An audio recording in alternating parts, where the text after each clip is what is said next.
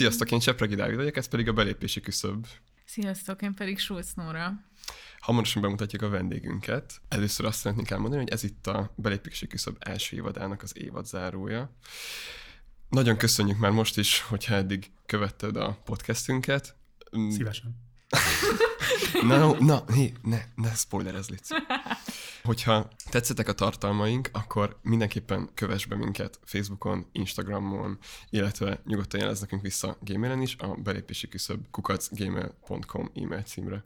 Hogyha pedig szeretné támogatni a Partizán munkáját, akkor fizess elő rá Patreonon. Ehhez megtalálod a linket az adás leírásában. Igen. Hát lehet, hogy néhányatok már kitalálta azt, hogy ki a vendégünk most az évadzáróban. Bemutatkoznál kérlek? Van támnél, úgyhogy gondolom ezt már elárogatják. Azt gondolod, hogy rárakjuk az arcodat? az idézet is lehet, hogy tőled jön.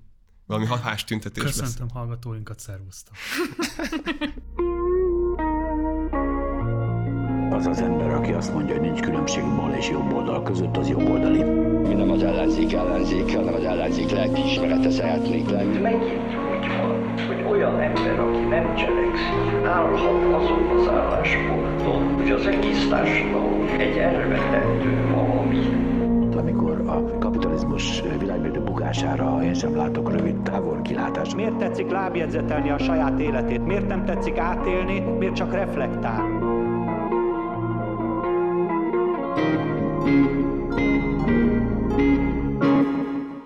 Hát üdv itt, Marci! Sziasztok, nagyon köszönöm a kívást.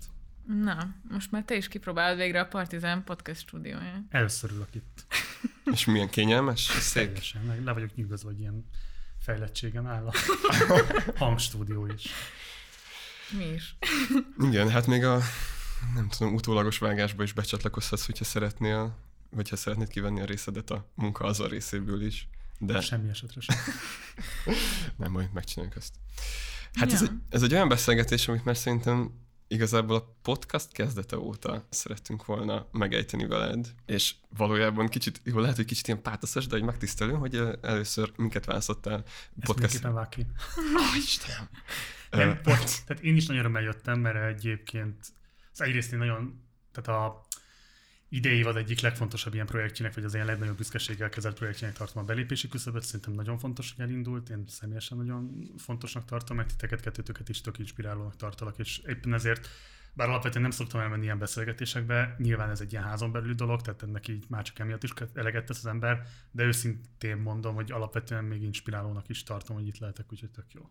Nagyon köszi. Akkor szerintem menjünk vissza a kezdetekhez. Marci, mi volt jel az? Nem emlékszem, nagyon, tudom, hogy nagyon ciki, de tényleg nem emlékszem, most rettenetesen kínos, de ez többször előkerült már ilyen különböző helyzetekben, és egyáltalán nem emlékszem, és szoktam ilyeneket kamuzni, így bevillan, de, de, de, de konkrét, konkrét emlékem nincs.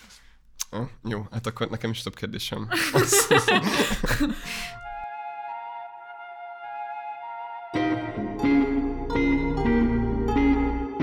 hát alapvetően szerintem, ami minket így nyilván veled kapcsolatban érdekel, hogy ezer dologról lehetne beszélni, az nyilván a, a politikai szocializációd, meg utad ahhoz, hogy most egy ilyen baloldali, nem tudom, média tudom, vezetője lettél, meg, meg szerkeszt, főszerkesztője.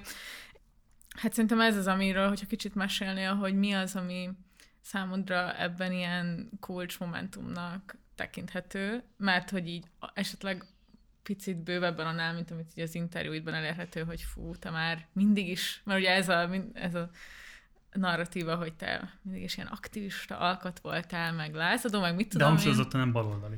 Igen, na akkor, és ezt miért tartod fontosnak Tehát Én, én, én szerintem a 20-as évem közepén, de lehet, hogy még inkább a vége felé lettem szerintem baloldali ember. Tehát nálam ez abszolút egy ilyen intellektuális írés uh-huh. ö, folyamánya volt. Tehát én, én 2006-ban nem választottam szerint, ugye beszélni, hogy 2006-ban nem vettem részt a szavazáson, de arra tisztán emlékszem, hogy 2010-ben az MTF-re szavaztam. Azt a nagyon, nagyon kemény. Nagyon és várjál, hogyha az indokot elmondom, akkor még jobban lefordulsz a székről. Az volt, én Bokros Lajos miatt szavaztam az MDF-re, mert azt gondoltam, hogy kell a parlamentbe egy republikánus párt és azt feltételeztem az akkori politikai... Mármint republikánus olyan értelemben, mint az amerikai Abszolút, republikánus igen, párt. Igen, igen, igen, igen. Akkor vehetjük úgy a partizánt, hogy ez egy ilyen több éves kanossza a 2010-es szavazatod után. Hát mi mindig járom mondjuk így. A jesszus. Amúgy igen, Lukács Györgynek van egy ilyen híres eszéje az Ura, Utam Marxhoz című, és én, én is kíváncsi lennék erre, mert hogy itt azt mondod, hogy 20-as éveid végén, de hogy 2014-ben ezen a hírhet DK tüntetésen már azzal tábláztál a kampányoltan, hogy baloldali megoldás kell. Hát igen, de Mit azért az, az, az, az 7 évvel ezelőtt volt, tehát az már 20-as éveim vége sajnos. Aha. Sajnos, én is örülök. Nem mondom, de az a 20-as éveim vége volt. Akkor már egy ilyen formálódóbb, ilyen ballibb valami voltam. Öm, meg hát szerintem ott azért az is van, hogy az, hogy cigányozás helyett baloldali megoldásokat, tehát azért táblára viszonylag ezt mint gyakorló mozgalmárok tudjátok, véges számú karakter fér ki. Tehát nem lehet nagyon mélyreható strukturális reformokat követelni, és nem tudom milyen szociálpolitikai intézkedéseket, úgyhogy akkor legyen baloldali az a követelés, aztán ha majd oda jutunk, hogy tényleg meg is kell valósítani, el kell mondani, akkor el lehet mondani, de egy táblára nagyjából ennyi fér föl. Úgyhogy annak szerintem ilyen mély meggyőződésbeli okai tényleg annyi volt, hogy ezt egy félelmetes precedensnek tartottam, hogy egy egyébként a saját, nem tudom én, liberális hátterére, múltjára már annyiben van neki büszke, meg azt hirdető, azt nem tudom, hogy akkor már ez volt a hogy feltétlenül még talán nem, de a hangulata mindenképpen a DK-nak, hogy ez egy úgynevezetten európai párt, úgynevezetten európai értékekért, és hogy ha ezt így nagyon bajos vagy problémás is lenne megfogalmazni, mik azok az úgynevezett európai értékek, azt azért meg lehet fogalmazni feltehetően egy ilyen nagyon szolid, szerény, antirasszista konszenzusnak a nem is a képviseletet, de legalább a magadénak vallása és ilyen mm, szerényen meghúzódás ezen belül, azért az hozzá kellene, hogy tartozzon. Na és ezt rúgták fel Pásztor Albert jelölésével, ami egyébként bizonyos értelemben korrigálva is lett, hogy aztán mennyiben lett ennek olyan folyamánya, hogy ezt az, ezt az antirasszista konszenzus tudta tartani a DK, az már egy másik kérdés, de ott azért szerintem az egy fontos dolog volt, hogy ebben volt valami fajta korrekciós gesztus végül. ehhez kapcsolódó talán, vagy ehhez a baloldali fordulatodhoz, hogy nekem van egy olyan sejtésem, hogy itt azért nem csak a magyar politika változott, meg nem csak a te szerelmi érdeklődésed, hanem van egy ilyen globálisabb Persze. folyamat is, Persze. és hogy ezt például mennyire érzed mondjuk egy ilyen utólagos ráhúzásnak, vagy hogy, vagy hogy gondolod, hogy ennek a része volt ez is, tehát hogy teljesen van egy biztos. ilyen Persze. gazdasági válság utáni Persze. tudom, Persze, hát én az egyik ilyen legnagyobb politikai vakságonak, azt tényleg azt tartom, hogy ilyen 2008-9 környékén, vagy akár még korábban, tehát én ebből a Globkrit mozgalomból, a humanista pártból, és később a lehet más a politikából, védegyletből, tehát én, én, hogy én ezekről hogy nem hallottam semmit, uh-huh. és az valahogy azért nagyon riasztó, mert hogy jöttem egy ilyen viszonylag magas társadalmi státuszból, a kulturális tőkét tekintve mindenképpen, um, olvastam magyar narancsot, meg énekeskedalmat. Tényleg nem lehet elmondani, hogy ne, ne tettem volna mindent, amit megkövetelt a haza. Még Bokros Lajosra is leszavaztam, de hogy itt ez a lényeg, hogy így, hogy így én szerintem így az LMP-ről így nem hallottam akkoriban, uh-huh. ami, ami azért nagyon sokat elárul a kormédia viszonyairól uh-huh. szerintem egy részről, nagyon sokat elárul az ilyen szocializációs közegeknek a politikai reflexeiről, tehát hogy egyszerűen ezek a dolgok így annyira marginalizáltak voltak, tehát én, én arra még emlékszem, hogy amikor az volt, hogy így a, azt nem tudom, hogy az iraki vagy az afganisztáni intervenció ellen, de amikor még a Lányi Andrásék itt tüntettek, így ötöt hatod magukkal ott a Lánchíd budai tövében, hogy az tényleg egy ilyen szefós hülyeségnek volt tekintve. Tehát miközben az már azért, nem tudom, Európa más részeiben tömegmozgalmakat eredményezett Londonban, Persze. konkrétan megbénították a várost. Az Persze. Magyarországon egy ilyen széllelütött hülyéknek a gyülekezete, akiknek tényleg nincsen semmi jobb dolguk, tehát hogy és hogy nem az volt, hogy egy ilyen késői megkésett, nem tudom milyen 68-as mozgalmárok, hanem hogy így tényleg a, az evidenciákkal szembe menő, a politikai realitásokat nem értő, ilyen szép lelkek gyülekezete, és ezt úgy mondom, hogy nekem erről nem volt semmifajta kiérlelt álláspontom, de azt a korszellemet, ami ezt így megítélte, azt tökéletesen le tudtam képezni magamban, és mondom, hát nyilvánvalóan Ebből a szempontból ez szerintem egy ilyen elitértelmiségi kritika, tehát hogy az a közeg, amiben én szocializálódtam, az a gimnáziumi környezet, amiben én szocializálódtam, illetve a gimnáziumi utáni időszakban ez a budapesti filmes, színházas, videós, nem tudom milyen félértelmiségi, értelmiségi, de mindenképpen nagyon magas elit státuszú körnek a különböző szegmensei, hogy ezek ilyen riasztóan voltak politikailag inaktívak, illetve a politikai mozgásokkal, a valódi társadalmi mozgásokkal kapcsolatban ilyen full, full, full vakok. Uh-huh. Tehát, hogy mit tudom, én arra emlékszem, hogy amikor ez az egész gárda történet elindult, az, az, így, az így valamelyest így fölkelte uh-huh. te az érdeklődésemet, de az, az is a, a liberális kánonnak a, a, az ellenkezése és a, és a, és a felhördülése miatt. Uh-huh. Tehát, hogy az, az, az, az nem Tehát, hogy persze antirasszista alapon volt problémás nagyon sokszor, de azért Ez ott volt ez a kultúrkritikai, esztétikai- az esztétikai és kultúrkritikai attitűd, hogy hát azért Igen. hogy, tehát, hogy hogy képzelik ezek, hogy kiállnak a hősök terére? Hogy képzelik, hogy kiállnak, és ilyen fogazattal, meg ilyen. Szóval, hogy, hogy, hogy, hogy ahelyett, hogy az a konszenzus lett volna, hogy hát amit képviseltek, f- és ez is volt, tehát nem azt akarom hogy ez csak egy ilyen, de hogy ez a kettő együtt találkozott, és nem tudott egy olyan antirasszista kritika megfogalmazódni, vagy legalábbis biztos, hogy volt, tehát lehetne mutatni embereket, meg ilyen marginálisabb esetleg megszólásokat, de ami az én politikai tudatomnak a horizontjára fölkerült, az alapvetően az volt, hogy hát ezek ilyen szélső jobboldali bugrisok, és egyébként hát rasszisták, ami elviselhetetlen, de ez a kettő azért egyenértékű volt, hogy egyszerre bugrisok is, meg, antirassz, meg rasszisták is. És ez annyira sokáig velem volt, ez, ez, ez később, amikor még a Sleimet elkezdtük, szerintem a második vagy a harmadik adás volt az, amiben a Jobbikról csináltunk egy videót, és ott emlékszem, hogy volt egy ilyen bevágás a Balcó Zoltánról, aki egy ilyen kicsit esetlen videót csinált, és így az ing gombja így valahogy kilógott a nyakkendé mellett, és én ezt problematizáltam.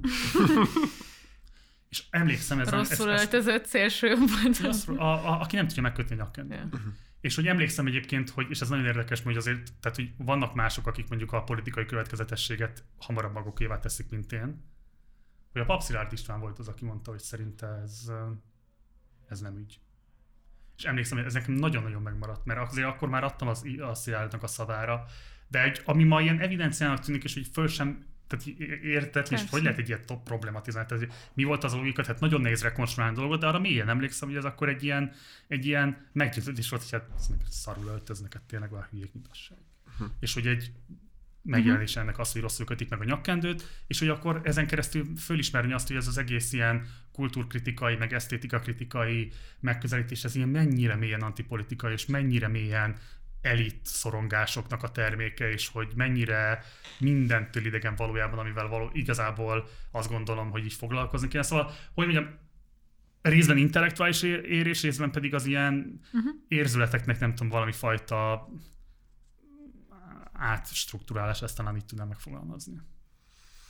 Meg tudnál nevezni még egy-két ilyen inspirációt, vagy egy ilyen inspiratív embert, intézményt, közeget, ami Hogyne. erre volt? A legfontosabb ilyen szempontból az én 20-as éveim elején az a Misetics Bálint, aki jelenleg ö, közszolga, köztisztviselő.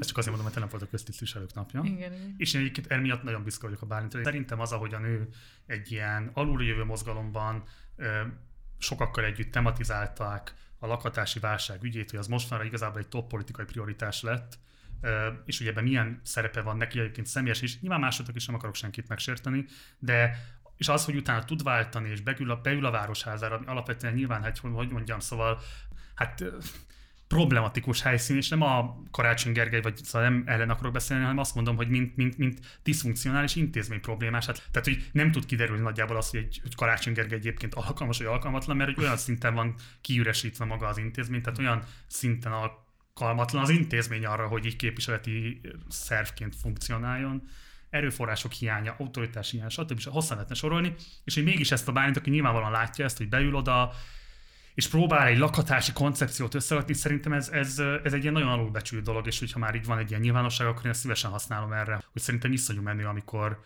amikor mozgalmárok így intézményeket vagy építenek, vagy pedig intézmények működtetésében, és pláne közintézmények működtetésében részt vesznek. Tehát, hogy nagyon menő dolog az önkormányzat, nagyon dolog, menő dolog az állam, és szerintem nagyon menő, hogyha sokan vállalják azt az egzisztenciális többlet, nem tudom én, terhet, hogy ilyesmiket működtetnek. Szóval a Bálint ebből a szempontból nagyon fontos volt, mert olvasmányélményeket adott, meg nyilván egy ilyen szocializációs közeget nyitott meg a számomra. Tehát én amikor elmentem AVM gyűlésre, nem, de kultúrsok volt. És mm, Tényleg, tehát hogy annyira sokkoló volt, miközben azért én találkoztam a, Csak hogy mondjuk el, hogy ez az, az a a város, város mindenki mindenki egy csoport, ugye érintettek Igen. lakatási szegénységben, illetve hajléktalanságban élők, plusz szövetséges aktivisták, középosztálybeliek dolgoznak együtt. És ennek az élménye, ez, ilyen, ez tényleg ilyen revelatív volt. És nyilván egy csomó ilyen mahe dolog volt benne, hogy így akkor hogyan lehet a iszonyatosan szélsőséges kulturális különbségeket és tőkebeli hiányosságokat így összehozni, és nagyon sok ilyen tényleg csináltság volt benne, hogy akkor hogyan lehet, hogy így ő is szólaljon meg, és legyen ott. De közben meg mégis az az etosz, hogy így nem azért csináljuk, hogy jó embernek tűnjünk, hanem azért, mert így tartanánk tisztességesnek és igazságosnak, hogy a társadalom működne.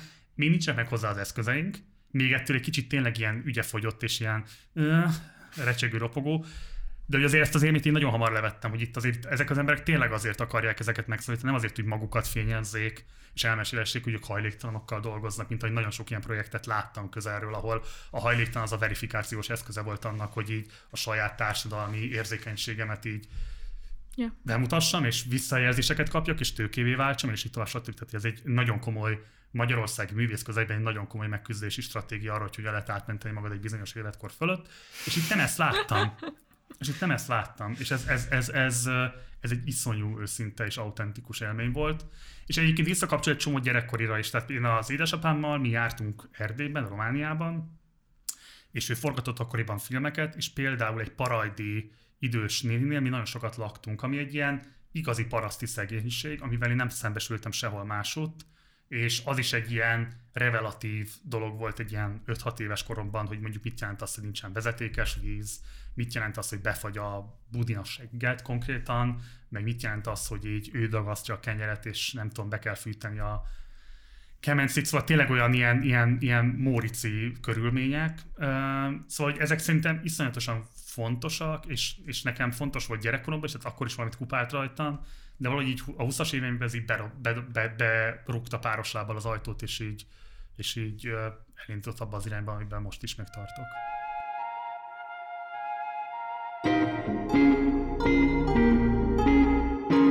Kicsit ugrok egyet, de hogy valahogy úgy érzem, hogy ide kapcsolódik, hogy a Schleim és a Partizán között volt egy ilyen cezúra. Úgy éreztem, hogy valamennyire nem vagy elégedett azzal a fajta attitűddel, ahol, amivel így hozzáálltál politikai kérdésekhez akkor. És az a projekt így, ahogy így átvedlett Partizánnál, az bizonyos értelemben így megőrizve meghaladta ezt az attitűdöt is. Mert hogy az, az elemzői szempont az mindig benne volt, nagyon hosszú infovideókat csináltak, van egyfajta ilyen edukatív rész az egésznek, de már deklaráltam balos a kezetektől kezdve. Neked személyesen volt ekkor egy ilyen váltás, vagy hogy csak úgy érezted, hogy a történelmi pillanat az, hogy előgyere, mint baloldali, és csinálj egy ilyen nagyobb projektet, vagy hogy így deklaráltam baloldaliként add el a, a média projektedet. Hát szerintem ami nagy generációs különbség köztetek és köztem, hogy szerintem én vagyok az utolsó olyan generáció, ami így abszolút a zéró, tehát az intézményesületlenség állapotába lép be ebbe a baloldaliasnak mondott közegbe. Tehát így konkrétan semmi nincs. Tehát amik vannak, azok ilyen informális csoportocskák, egy-két ilyen mamut valami, ami tényleg ilyen mikro valamik így léteznek két-három fő által üzemeltetve, tehát hogy tényleg semmi. Tehát, hogy nincsen, nincsen ilyen természetes szocializációs közeg, amiben így belépsz, és akkor így tapadnak rá dolgok, élmények, találkozol valakivel, egy hangulat elkap. Ezek szerintem iszonyú fontosak. Tehát, hogy, tehát, hogy így baromi fontos a kulturális termelés, és baromi fontos a tudástermelés, de hogy ezek, ezek, ezek akkor tudnak szerintem igazán hatni, hogyha van körülöttük egy olyan ilyen organikus valami, ami így áraszt magából ízeket, szagokat, hangulatokat, amiket így az is elkap, akinek így, hát kezében nyomhatod, nem tudom én, Marxot, Lukácsot, Márkozét, bármit, de hogy így nem intellektuálisan fogja először ezt magáévá tenni, hanem megérez valamit, és aztán intellektuálisan elmélyíti ezt, vagy valamilyen módon formát ad neki. És ez, ez, ez szerintem teljesen hiányzott. Tehát, hogy én valószínűleg nem ezt a pályát futottam volna vagy legalábbis én így mentegettem magamat, hogy uh, hamarabb benőtt volna a fejem lágya, ha lett volna bármi. De tényleg nem volt. Tehát, Ja. hogy uh, De, de, de, de, mond, bocs, csak hogy beleízelek, de hogy a krétakör azért a vége felé nem ez volt? Vagy tudtuk ezt megugrani sajnos, de ezt most úgy mondom, hogy, hogy, hogy, hogy én, én kínosan törekszem arra, és nem azért, mert tehát, hogy én, én, én, én nagyon sokat köszönhetek a Schilling Árpádnak, sőt, nagyjából mindent a Schilling Árpádnak köszönhetek, meg a Krétakörnek, tehát pozitívan és egyébként egy csomó negatívat is, de hogy, de hogy így ezek mindegyike iszonyú erős személyiségépítő hatással volt rám, meg, meg ilyen politikai tudatosságépítő hatással volt rám, de ott nem tudtuk már a végén azt a transformációt meglépni, ami kellett volna ahhoz, hogy ez, ez egy fenntartható sztorivá tudjon válni. Uh-huh. Politikai Azt értem, hogy nem volt fenntartható, de hogy a koncepció az kicsit, vagy nekem az az érzésem, hogy ott már egy ilyen De így, bocs, tehát, oldudva, az, hogy egy az- ilyen politikai... De ezt nem tudtuk meglépni. Aha. Tehát nem, nem, a, nem a, a fenntarthatóságot nem úgy, hogy az anyagi forrásokat nem tudtuk biztosítani, hanem azt, hogy azt a transformációt, hogy, hogy mit jelent politikai intézményét tenni a krétakört, miközben uh-huh. egyébként, ha itt ülne az Árpád, szerintem ő nagyon tiltakozna, és kikérne magának, hogy a krétakör az egy politikai intézmény volt. És szerintem szólnak is mellette érvek, hogy ez az volt. Az én mai meggyőződésem alapján azt még nem mondanám politikai intézmény, Aha. de nagyon küzdöttünk érte, hogy az legyen, és, és, és, és, és én valószínűleg ma nem itt tartanék, és egyáltalán nem az az ember lennék, hogyha az Árpád nincs. Tehát bizonyos értelemben akkor ezt a méltánytalanságot is hadd orvosoljam, hogy, tehát a Misetics Bálint előtt, mellett, alatt valamilyen módon, azért az Árpád az, az legalább ennyi, ha nem több. Mert az, hogy mondjuk én ezekkel az ilyen, hogy kezd mondani magyarul, ilyen disadvantage hogy így én nem Mhm. jártam egyetemre, nekem ez az egész ilyen egyetemi szocializációs időszak kimaradt, tehát nekem ilyen barátságaim nincsenek, tehát ez az a középiskola utáni időszak, ez a 4-5 év, így 2005-től 10, 11, 2, nem tudom, hogy ott én be tudtam kerülni egy olyan intézményre, mint ami a Krétakör, ugye nem volt intézmény mondjuk az egyetem mögöttem, azért az tényleg azt eredményezte, hogy így nem kallottam végletesen el, tehát hogy ez is egyébként egy tök jó élmény, hogy mennyire törékeny tud lenni az ember élete, hogy így tényleg egy csomó véletlen múlik az, hogy, hogy tehát így az én pozíciómban is olyan súlyos véletleneken múlik az, hogy itt vagyok, hogy az a, abban, hogy- na, ezt akkor elme, ezt talán már elmeséltem, mert másod. Tehát, hogy szerintem az ilyen kulturális tőkeképzésem szempontjából az, hogy a Berzsény Dániel gimnáziumba jártam, az a, aztán a legfontosabb. De én oda úgy kerültem be, hogy így jártam előkészítőre, és hát tudtam beszélni. Nem feltétlenül mondom azt, hogy olyan nagy gondolatim lettek volna, de mondjuk, mint mások nem tudtak beszélni, én így beszéltem. És akkor emiatt kialakult egy ilyen hangulat rólam a tanárok körében, hogy ez a gyerek, ez, ebbe van valami.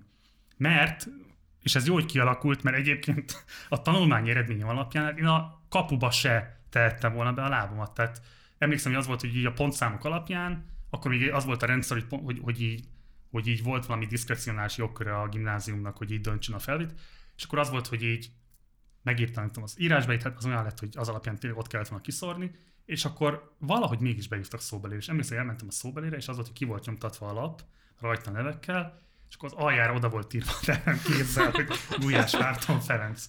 És egyrészt hát így megsemmisítő volt, de másrészt meg így halálosan boldog voltam, mert emlékszem, előtte mentem a madácsba, hát ott ki se írták a nevemet, Szóval, hogy tehát, hogy tehát tényleg az volt, hogy volt valaki, szerintem a Fenyődé György, vagy a Széni Katalin, vagy az Ötvös Zoltán, szóval tök volt egy ember, aki azt mondta, hogy figyelj, ez a gyerek az jegyei alapján sötét, mint a ló, és hogy tényleg hát így láthatóan, de hogy valami azért mozog benne, adjunk lehetőséget, hogy nem tudom, szóval hogy legyen meg ez a... És azt, hogy én bekerültem a Berzsénybe, találkoztam olyan emberekkel, kaptam olyan olvasmányélményeket, járhattam olyan kulturális programokra, szóval, hogy, hogy ebből lettem, és hogy és ez biztos, tehát ez, ez abszolút a osztályprivilégium, mert az, hogy nekünk otthon megvolt a magyar film összes, meg a Bartók lemezek, meg a Kodály lemezek, meg Bach összes, és nem tudom mi, és olvasni lehetett bármikor, tehát hogy tehát ezek a klasszikus ilyen középosztálybeli rekvizitumok Magyarországról, szóval, hogy, hogy, hogy ugye ez itt meghálálta magát, miközben egyébként ilyen meritokratikus szempontok alapján meg nem uh-huh. tudtam volna hozni azt, amit kellett volna az osztálypozícióból adódóan. Szóval ez egy, ez egy, ez egy borzasztóan érdekes dolog, és, és azért nekem egy ilyen alapvető igazságossági imprinting, hogy így mire érdemes nagyon figyelni, hogy, hogy bizonyos, nem tudom én, teljesítményeknek a megléte vagy a hiánya ból ne vonjak le messze menő következtetéseket valakinek a személyiségére vonatkozóan. Utaltál itt arra, hogy otthon megvolt a, a fi, magyar film összes, meg ilyesmi, és valahol, az, azt hiszem, hogy a Katz Dávidos interjúban igen, említetted azt, hogy te amúgy kulturálisan konzervatívnak tartod magad. Igen, eléggé szerintem az vagyok. És ez mit jelent a gyakorlatban? Hát, hogy így, nem tudom, nagyon szeretek járni színházba, annak is a klasszikus formáját nagyon szeretem, nagyon szeretem a zenés színházat, annak is a klasszikus formáját, az operát, de ebben mondjuk, na, tehát szerintem a, az előadóművészetek, ezek a formái azok, amikben, hogyha a kortárs vonulattal is azonosulsz, az is egyfajta konzervativizmus. Tehát, hogy amikor én elmegyek, nem tudom én, a Bécsi színházi napokra, és megnézem azt a cirkuszszínházi előadást, ami valószínűleg, hogyha megjelenne Magyarországon, akkor kiverné a biztosítékot, de úgy, hogy a trafót le is kapcsolnák utána egy életre, hogy ezt miért tiszta műsorra, tehát hogy amíg szerintem még a fővárosi vezetés sem állna be, vagy én nagyon megnézem Gyénémet Erzsébetet, amikor azt nézi, hogy kilenc mesztelen nő, kettő motort megbaszva, és az egyikük ilyen vaskampókkal átjukasztva a bőrét, fölakasztva lóg a mennyezeten, és csöpög róla a vér, és forgatja. És én ebben tudom az élvezetemet lelni. De ez nem hangzik azért annyira konzervatív. De hogy szerintem meg De, az. Mert az avantgárdnak... Mert abszolút, abszolút ez az intézményesült avantgárd, amihez kulturálisan konzervatív csatornákon keresztül vezet el az út, és abszolút egy konzervatív érésnek az eredménye. Tehát az, hogy ez Magyarországon ilyen experimentálisnak számítana, ez, ez egy deficit. Ez egy ilyen a polgáriasultságnak egy deficite szerintem, de egyébként ez egy konzervatív előadóművészeti etosznak a eredménye. Tehát ami igazán szubverzív, avantgárd valami lenne, oda én nem biztos, hogy eljutok, és nem azért, mert nem érdekel, hanem mert annyira kívül esik, tehát hogy én a városnak mondjuk azokon a részein nem biztos, hogy járok. Uh-huh. Meg nem biztos, hogy a városnak, tehát biztos, hogy a városban keletkezik, vagy Budapesten keletkezik. Szóval én ezeket egyébként keresem, tehát én nagyon szeretem challenge saját magamat, de nem, tehát hogy egyre kevésbé megy, ezt nagyon látom. És uh, szerintem az is egyfajta kulturális konzervativizmus, tehát hogy, hogy, hogy, hogy a filmfogyasztás, vagy filmnézés, um, és a zenehallgatás, szóval, szóval ezeknek a forma, ez így, ez így erőteljesen annak hangzik sajnos. Érte nem sajnos, bocsánat, ezt nem akarom, így, nem, nem, nem sajnos, pont, ez, a, ez az én ízlésem. Nem akarok annyira rugózni ezen a témát, csak hogy számomra így nem hangzik vagy bevallom, én annyira nem értek ez a szférához, amúgy alapvetően fogyasztok ilyen tartalmakat, stb., de hogy így számomra nem konzervatívnak tűnik, hanem inkább polgárinak. És hogy ez nem feltétlenül ugyanaz, mivel az is lehet progresszív rá másrészt, azt akart, vagy így ezzel, ezen keresztül azt akartam kérdezni, hogy hogy így ezt ejted magadról, de hogy mégis ezeknek a platformoknak, ennek, ezeknek a, az ilyen művészeti tereknek van egy nagyon erős baloldali olvasata is. Most, hogyha a színházról beszélünk, az annak mindig is volt egyfajta ilyen emancipatorikus szerepe, vagy hogy voltak olyan szereplők, voltak olyan színházi, nem tudom, drámai, stb., akik úgy tekintettek a színházra, mint meg a művészetre, mint ami, ami egy, egy kikerülhetetlen eszköz a társadalmi progresszióhoz, és hogy ezért, vagy ezért gondoltam, hogy kicsit rákérdezek erre, hogy te erről így mit gondolsz úgy, hogyha így ezt... A legkedvesebb húrokat bennem, és majd akkor nem tudom, vagy kivágjátok, vagy lelőttök, hogyha túltunk valamin. Szóval szerintem a művészeti kódrendszerben szubverzív eszközökkel élni ma már nem lehet. Tehát az, hogy baloldali művészet, az nem azt jelenti szerintem, hogy így meghaladod azokat a polgári sémákat, amik korábban nem tudom én mondjuk a színházművészetet képezték, mert hogy mondom, tehát ez a Florentina Holzinger előadás, amire most hivatkoztam az előbb, ez szerintem egy ilyen konzervatív etoszt éltet, mert hogy ö, részben azok a szereplők, akiket a színpadra tesz, azok nem képviselnek semmifajta osztálykonfliktust, olyan értelemben, hogy nem hoznak be olyan réteget, vagy olyan problémakört, ami bármilyen módon is egyébként. Tehát nem azzal botránkoztat meg, hogy így a privilégiumaimmal szembesít, vagy az arról állít valamit, vagy a résztvevők mondjuk olyan módon lépnek fel, ami elütne a kánontól, hanem ez nagyon is a kánonnak a része, csak annak egy ilyen nagyon okos, intelligens, érzékeny, tehetséges újragondolása. Én nagyon élvezem, tehát én úgy mondom ezt, hogy szerintem ő egyébként jelenleg az egyik legfontosabb, legizgalmasabb, vagy az utóbbi időben a legizgalmasabbnak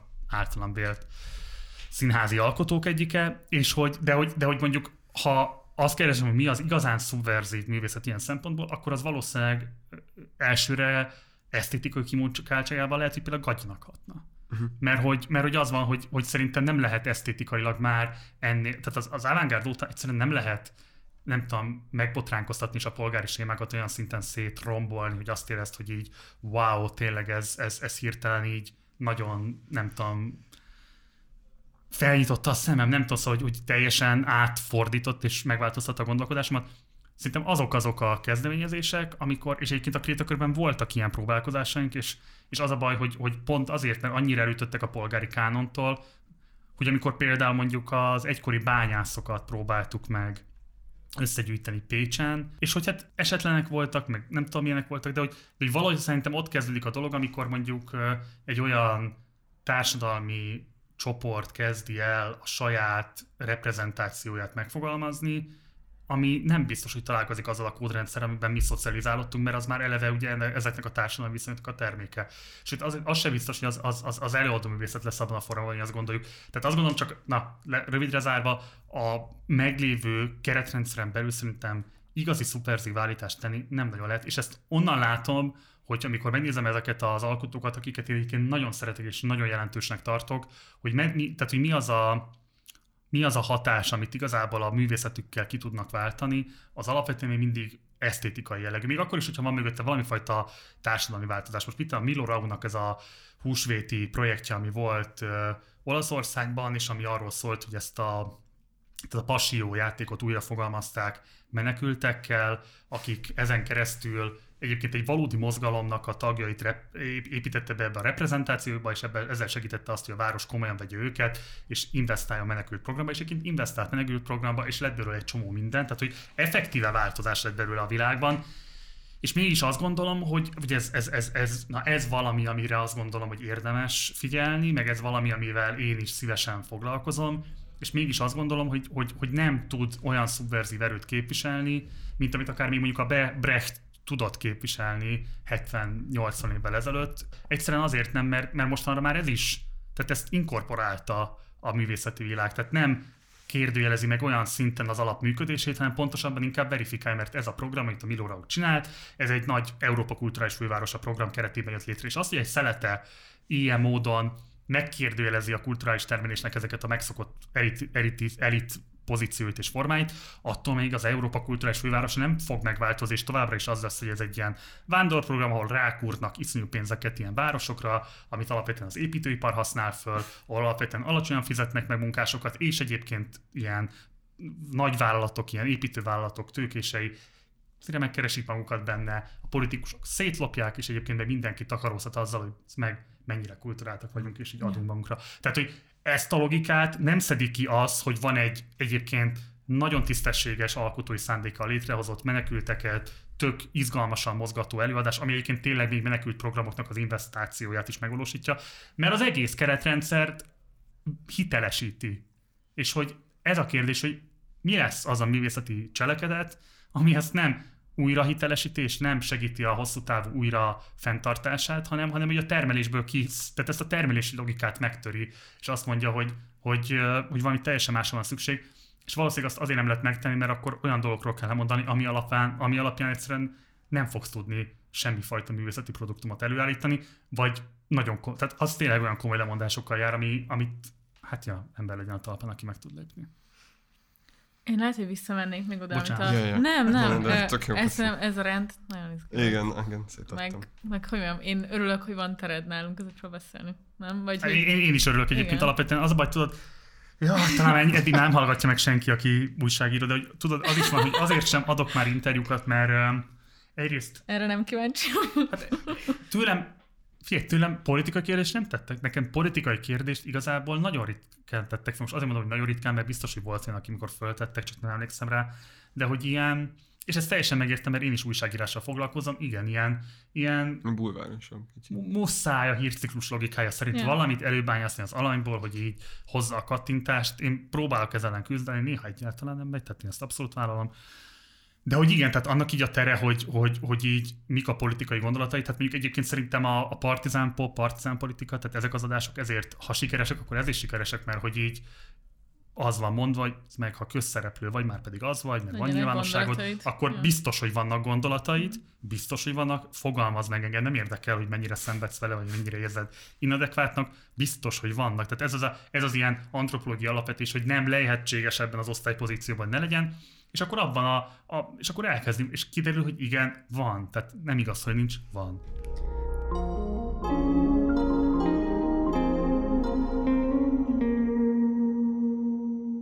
hogy oda mennék vissza, amit a Dávid próbált kérdezni, csak aztán, aztán én eltereltem, hogy, hogy ez a Schleimből partizán, hogy Igen. erről nekem ilyen emlékeim vannak, hogy emberek, akik nézték a Schleimet, akár többet is, meg nem tudom jobban, mint én, hogy ilyen iszonyú szomorúak voltak, hogy partizán lett, és nem nézik annyian, és hogy, és hogy ezt... Komolyan. igen, ez egy ilyen Aztán. visszatérő élményem emberekkel kapcsolatban, hogy azt mondják, hogy mit tudom Az én, hogy- sikertelen volt egy pici, Igen. nem kicsivel, tehát szerintem a Schleim se volt olyan hatalmas siker, tehát mából nézve, nem volt sikertelen teljesen, de amikor az első váltás volt Partizánra, akkor azért az így boom. Igen.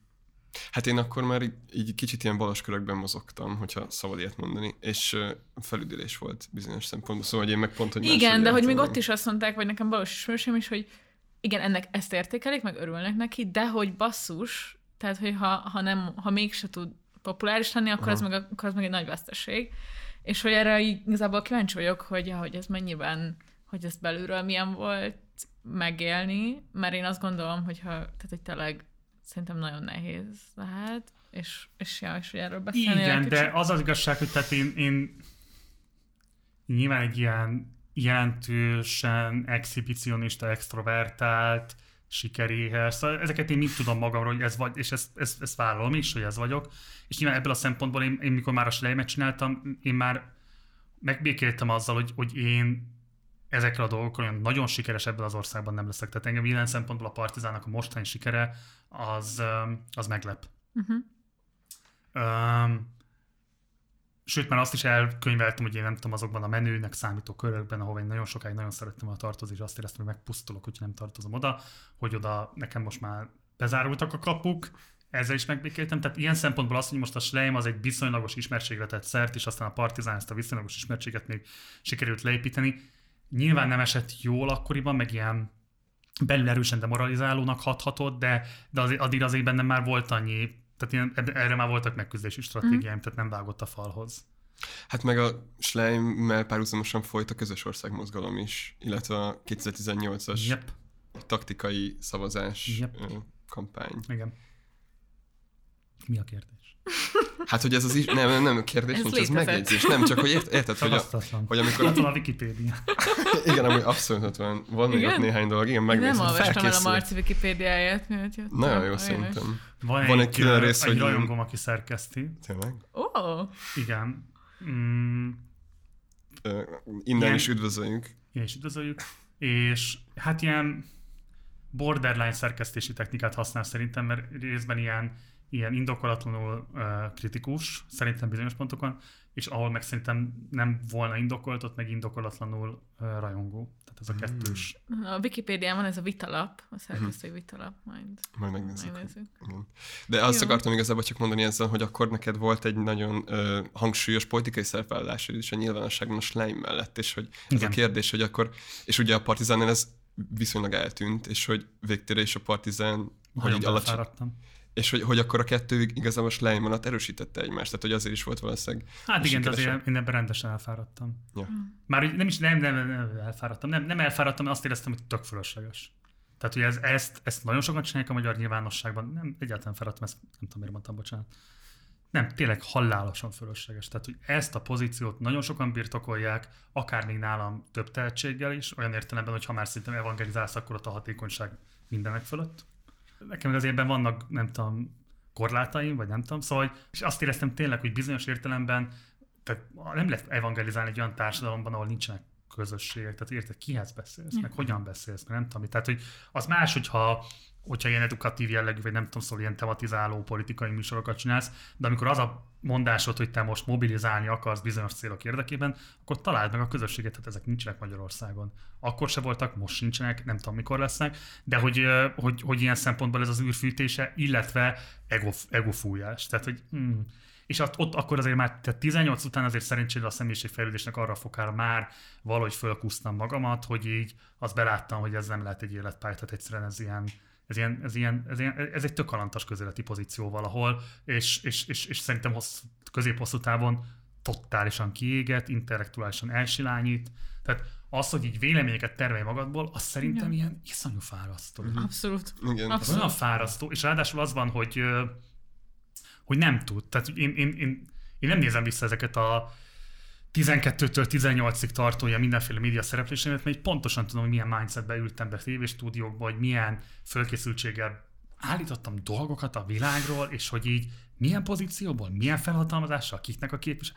Ezek egyáltalán nem merültek föl sokáig kérdésnek. Aztán ilyen 16 környékétől már elkezdtek fölmerülni. Na, tehát hogy ugye politika, művészet, ez a kettő az, amiben konkrétan, hogyha így zéró felkészültséggel, semmifajta tudásbeli megalapozottsággal, de kellő ambícióval, kreativitással, meg ilyen dinamikával élsz be, akkor így kurva hamar lehet karriert építeni. És én ennek vagyok egy ilyen tényleg minősített esete. Um, és hogy szerintem ami menti ezt a dolgot az az, hogy, hogy, hogy ezzel párhuzamosan szerencsére valami fajta önreflexiók is megindultak bennem, de hogy azért ebben iszonyan szét lehet csúszni. Tehát, hogyha megnézed tényleg azt, hogy a közéletben, az úgynevezett magyar közéletben kik azok, akiknek olyan pozíció vannak, hogy így hétről hétre agenda képzővé minősülnek, hogy így hogy így mi alapján mondanak dolgokat. Te- Vagy, és ugye mindig azt mondja, hát az ő miért nem mondja el a véleményét? Persze, hogy mondja el a véleményét, mindenki mondja el a véleményét, csak hogy itt ugye az a probléma, hogy, hogy nyilvánosságban elfoglalt helyeket te úgy töltesz meg, hogy saját magadon kívül sok minden nem épül. És hogy, és hogy ez egy iszonyú problémája ennek a társadalomnak már év, nem, szóval nagyon régóta, és, és nem látom, hogy bármi javulás lenne benne, és én csak annyit döntöttem ott 18 után, hogy ebben így, ebben a formában nem akarok többet részt venni, mert nem tudok hozzátenni, nem tudom megváltoztatni, rosszabbá tudom tenni, annak nincs értelme.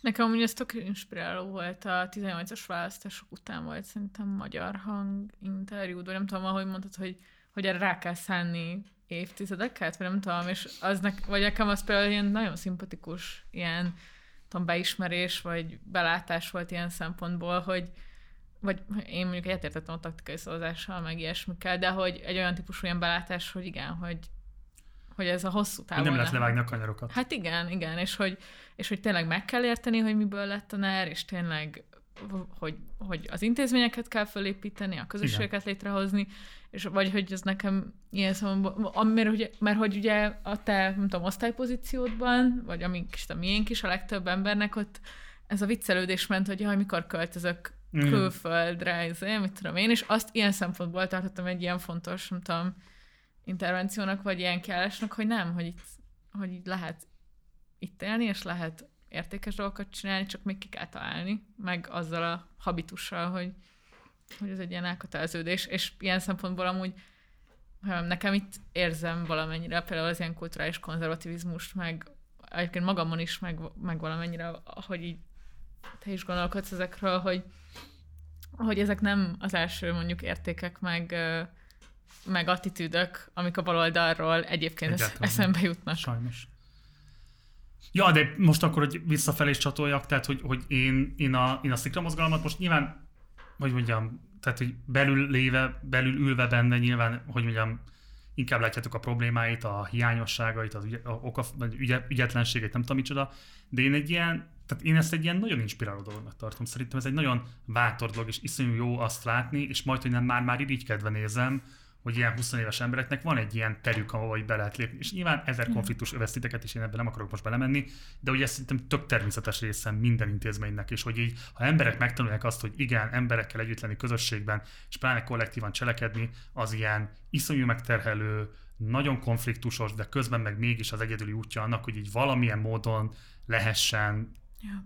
piciket tolni ilyen, nem tudom, közösségi viszonyokon, meg politikai viszonyokon, szóval, hogy ez, ez ez szerintem tök jó, hogy nagyon fiatalon kialakul az emberben, és hogy ilyesmitnek van értelme, és hogy én ezt nem, én nem abban mérném az eredményességét egy baloldali intézménynek, hogy persze, bocs, nagyon fontos bejutatni minél több embert képviseleti helyekre, nagyon fontos, hogy minél több, nem tudom én, ilyen szintéren legyenek jelen baloldali emberek, de hogy, ne, de hogy, hogy ha ez nincs is, de mondjuk legalább az van, hogy így emberek már a kollektív cselekvés terheit gyakorolják, az, az, az, az önmagában is érték szerintem. És ez szerintem nagyon hiányzott már a magyar baloldal részéről. Köszönjük.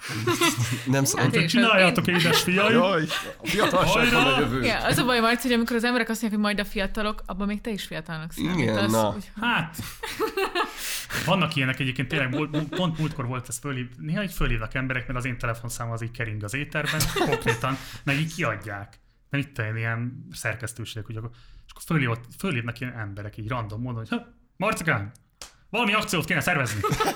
és így mondom, hogy ne arra ki maga, meg mi, hogyan?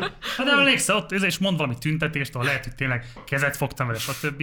És én értem, hogy ő azt gondolja, hogy hát onnantól kezdve nekem tudnom kéne, hogy ő, és hogy így akkor gyerünk már, hát most helyzet van, akciózni kéne. És egyébként ilyenkor mindig az van, hogy így tök könnyű, én is rövök ezen az emberre, de hát ezt a gyakorlatot én, tehát ezt én implikáltam benne, hogy azt gondolja, hogy van egy politikai helyzet, akkor a Gulyás Marci akciózik, uh-huh. hát mhm. nem ez a politikai konfliktusok kezelésének uh-huh. a mondja. És hogy így, tehát hogy én ezt nem tudom az ő hibájának látni, én ezt a saját hibámnak látom, hogy igen, én részt vettem abban a nagyon toxikus gyakorlatnak a meghonosításában, meg emberek politikai edukálásában, hogy így van valami politikai konfliktus, lázadj, állj ellen, szerve, nem is szerveződj, mert ha az lett volna, akkor nincsen baj, de hogy ja. így reagálj, Igen. legyen valami. És Igen. hogy így, jó, és akkor utána, mi, mi, mi, és hogy nem tudom, hogy így, és hogy nekem, én, én egy dolgot remélek az élettől. Én egy dolgot remélek, hogy én még leszek valaha egy pártnak a tagja. Igen. Lesz egy olyan párt ebben az országban, akinek a tagja lehetek. Szerintem az tök jó volt, mikor ezt elkezdett, vagy volt egy ilyen időszak, amikor mindig vannak az interjúidban, vagy a, igen. vannak, vannak beakadások, igen. És, de az egyik számomra kedvelt ilyen beakadásod volt ez, hogy, hogy ezt problematizáltad, hogy ennyi idősen baloldali elköteleződésű emberként mi az, hogy nem tudsz igen. pártmunkát végezni, vagy párthoz kötődni. Ja, ja. Igen.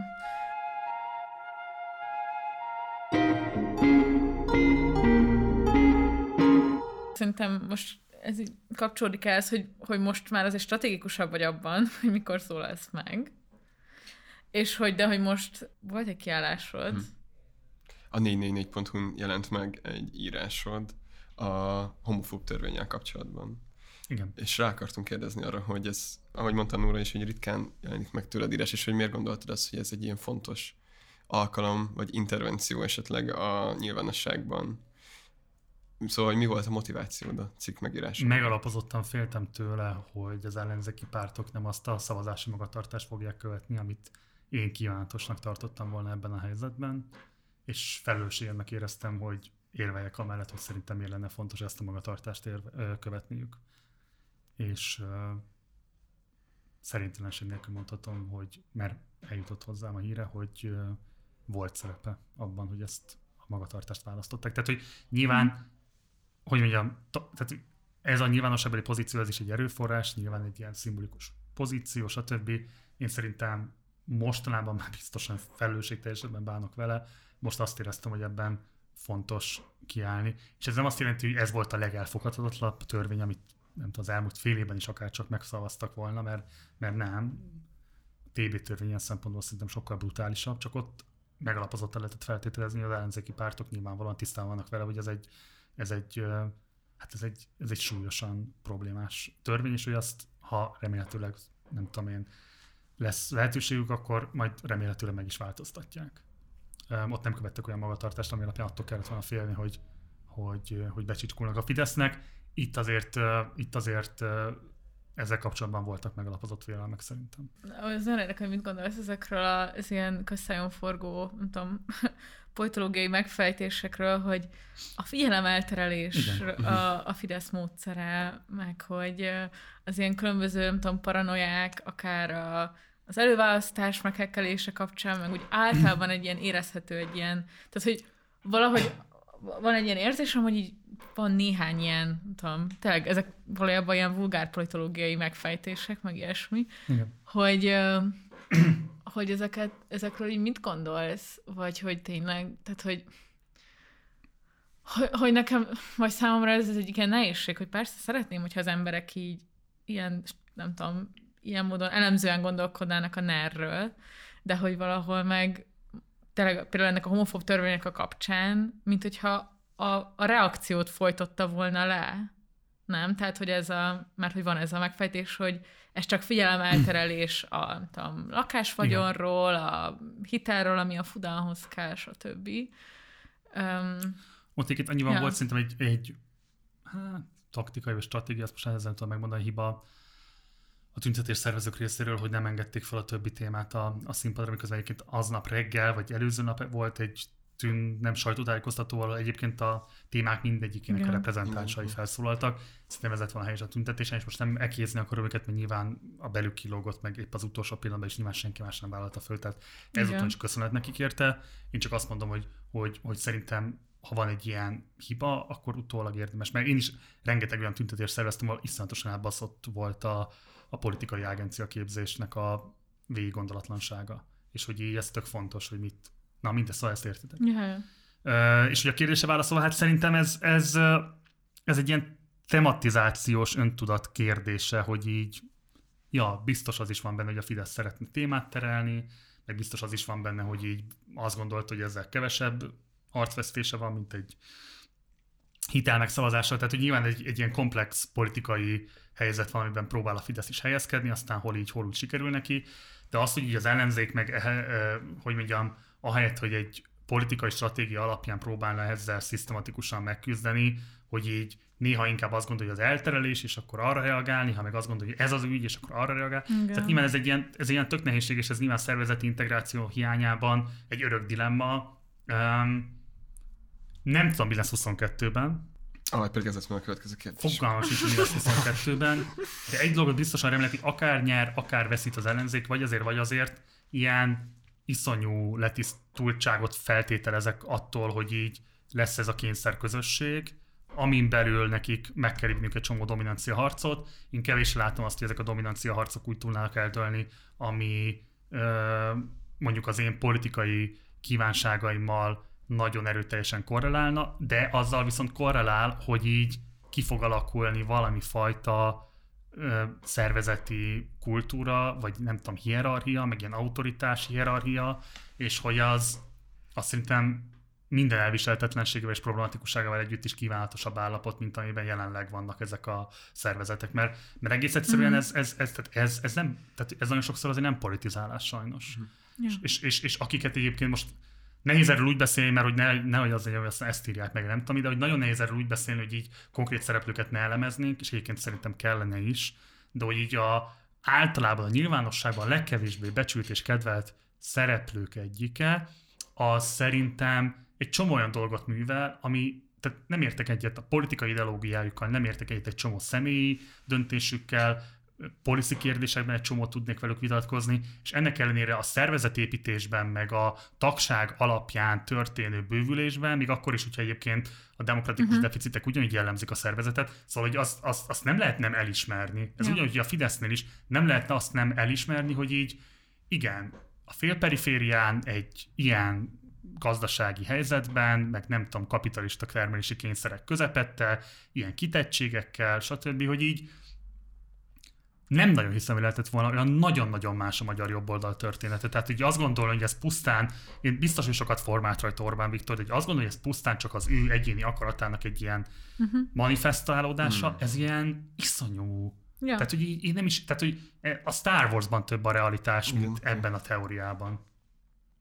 Hogy így olyan komplex gazdasági konglomerátum, olyan komplex érdekrendszer, és ezeknek a feloldása, összegyúrása és működtetése, hát nincsen más rezsim, ami a rendszerváltás óta ezt ilyen fenntarthatóan tudta volna csinálni, és én ezt egyáltalán csodálom, vagy egyáltalán tartom jónak, vagy helyesnek, sőt, de, de hogy értem, hogy miért működik, meg értem, hogy miért ilyen döntéseket hoznak, akik ezt működtetik, azzal együtt, hogy ezek BTK-s bűncselekményeket maximálisan kimerítő dolgok, de hát közben meg pont ez a lényeg, és ezt nem tanulja meg valahogy ez az ellenzéki nyilvánosság, hogy, hogy, hogy ezeket a polgári kategóriákat nem lehet így ebben a tisztaságban érvényesíteni a politikán, és ez nem, Mhm. egy, ez nem egy döntés kérdése, meg nem egy ilyen moralitási, tisztasági kérdés, hanem hogy így igen, a politika így cselekvés logikája, az ezeket igen, képes feloldani, képes új minőségbe összeforrasztani, képes szétszedni, összerakni. Tehát, hogy, tehát, Ja. hogy ez a, ezért politika, és hogy ez, ez iszonyú, hogy ez 2021-ben 11 évnál után mi magyarázni kell. Tehát, hogy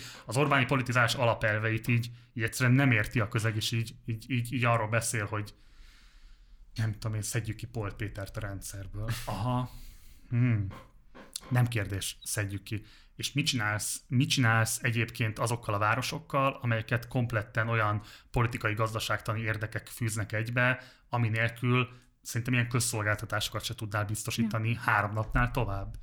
Ö, tehát, hogy itt a Polt Péter vagy a Matolcsi György kivétel a rendszerből, persze, tök fontos, de hogy így arról is kéne beszélni az ellenzéknek, hogy muszáj lesz egy csomó jelenlegi vazallusnak tekintett gazdasági Igen. szereplővel megegyezni, kiegyezni, alkut kötni, és hogy így nagyon nehéz egy olyan nyilvánossági térben, ahol ez ilyen morális dimenzióba helyeződik át. Tehát, hogy a politikai döntéseknek az ilyen polgári átmoralizálása egész egyszerűen a cselekvőképességet lehetetleníti el, és tudom, hogy ezt ki fogják majd szedni, és ebből lesz majd íző, hogy na, tessék itt a bizonyíték rá.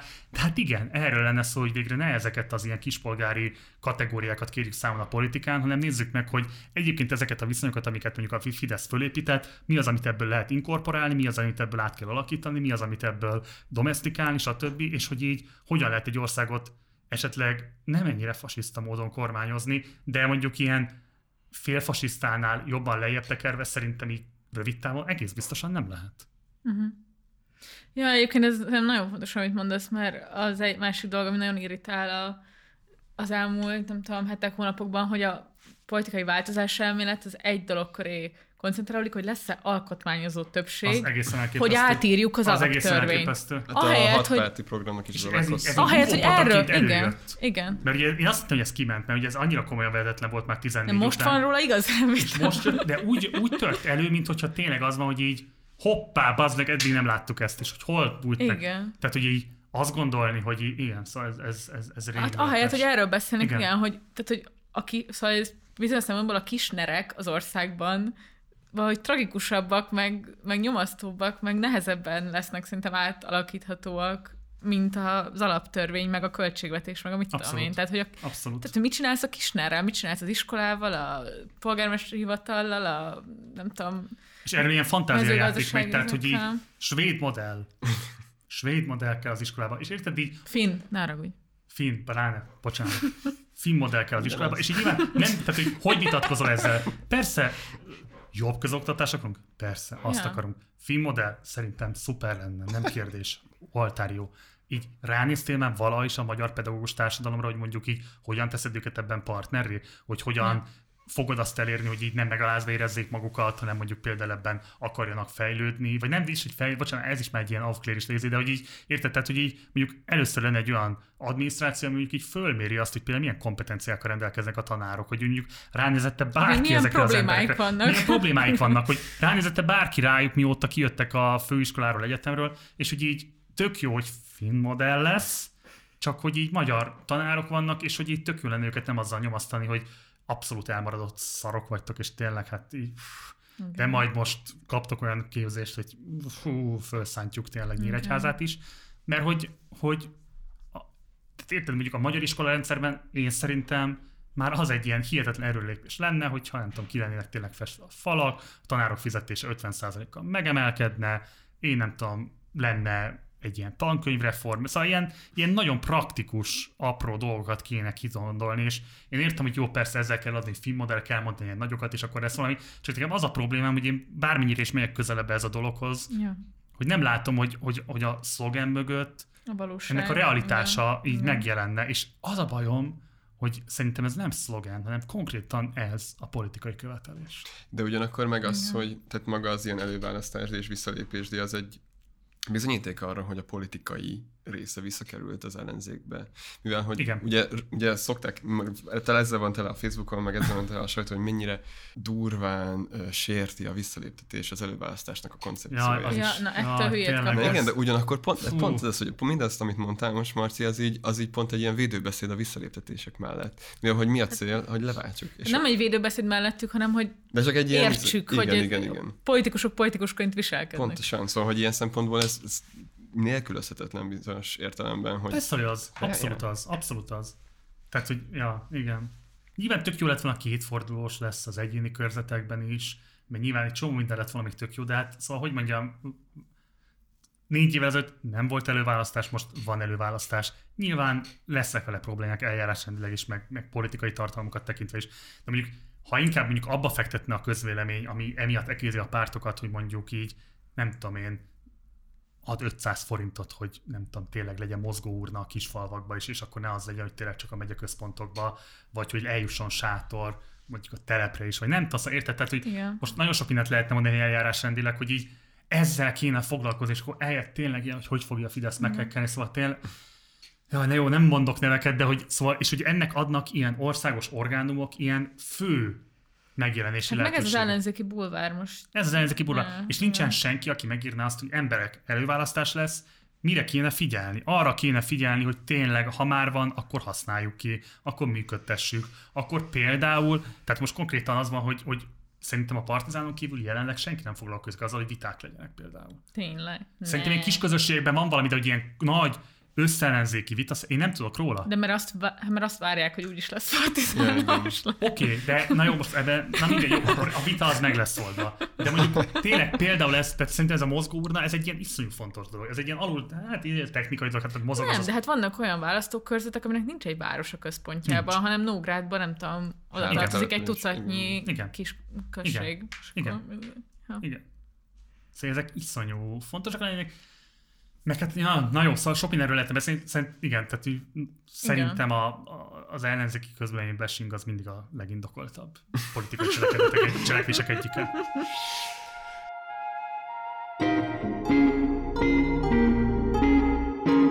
Én kicsit visszamennék a partizánra, mint témára, mert már megpendítettük sokszor ezt a váltást Schleim és partizán között, de hogy ugye az ilyen kezdeti sikertelenség után a Covid alatt így ilyen hihetetlen mennyiségű új feliratkozó, új támogató, és érkezett a partizánhoz, és exponenciálisan megnőtt a, a nézettség is. És én így gondolkoztam azon, hogy így ez alatt az időszak alatt így milyen tapasztalatokat szedtél fel magadra, mivel ugye elindult közben ez a, a nagy sikernek örvendő partizán pop és partizán politika, ahol azokkal az emberekkel interjúzhattál, akik az utóbbi 10-20-30 évnek ilyen meghatározó szereplői a politika és a kultúra terepén. És itt van egy ilyen blogbejegyzésed, azt hiszem Tumblr-ről, amiből hagyd idézzek egy mondatot. Nem, ez teljesen jó. Respect, hogy még tumblr Amúgy igen. Azért itt az a fiatalság meg ez elgondolkoztató, de uh, hadd olvassam fel ezt az idézetet. Ez azután, hogy valaki lemondta az- aznap az interjú. Eddigi életemben dolgoztam a magyar színházi, filmes, politikai és most a média világában. Ez utóbbi minden kétséget kizáróan a legsúlyosabban fertőzött a posztkáderista technokrácia per elit átmentett privil- privilégiumaitól, és fogalmam sincs, hogyan kellene ezzel megküzdeni vagy reagálni rá. És ez, ez tök elgondolkodtató Az volt, biztos. hogy Ezt ö, a posztolás után 10 perccel töröltem. tényleg Igen, amúgy nem elérhető. az origó, egy origó Hát te- szíven. Hát igen. Na, De ja, fent a, megtaláltam a Tumbexen ezt a... ez volt azt talán az utolsó ilyen... Szóval a Tumblr-t, mint ilyen indulatkezelési eszközt, ezt megtanultam legkésőbb ekkor. De hogyha kényelmetlen, akkor ezt ö, mindenképpen... Nem kényelmetlen, de hát nyilván, hogy mondjam, szóval, na jó, mi a kérdés? Az, az lenne a kérdésem, hogy te most nagyon intenzíven ráláttál rengeteg ilyen egyéni életúton keresztül arra, hogy hogyan zajlott le a rendszerváltás, és hogy hogyan alakult ki az a politikai rendszer, ami egyrészt a NER-nek az előzménye volt, másrészt hogyan néz ki ma a valóság az intézmény falai mögött.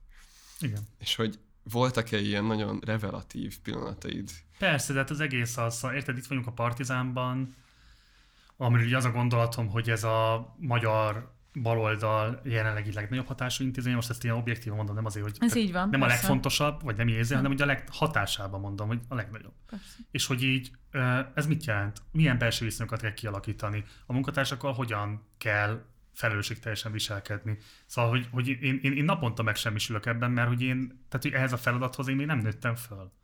Tehát, hogy vezetnek egy intézményt, amibe most már tényleg több tucatnyian dolgoznak, rátették az egzisztenciájukat, és így azt érzem, hogy nem tudok megfelelni ennek a feladatnak, és így próbálnék nyúlni mintákhoz, hogy hogyan kell baloldali intézményt vezetni, és semmi nincs. Tehát az, hogy van a partizán, én, én, bocsánat, most nagyon méltatlan vagyok nagyon sokakkal, de ilyen funkcionális példákat a környezetemben nem tudok fölmutatni, ami alapján inspirálódhatnék, bedobhatnék egy problémát, hogy ti ezt hogy csináljátok, mi hogy nem tudom. És ez most, ez, ez most úgy tűnik, mintha nem a kérdésedre válaszolni, de arra akarok válaszolni, hogy így, hogy így látva azt, hogy hol és milyen pontokon ment félre a dolog, és hogy ilyen egyébként alapvetően változtatási potenciál rendelkező emberek hogyan simultak bele a fősodorba, és így, hogy mondjam, hogyan lettek ilyen establishment visszaigazoló funkcióvá degradálva a tevékenységük, hogy így én ezt nem egy ilyen egyéni felelősségbeli izének mondom, hanem hogy így, hogy, tehát, hogy nem is volt lehetőségük nagyjából mással megküzdeni, tehát hogy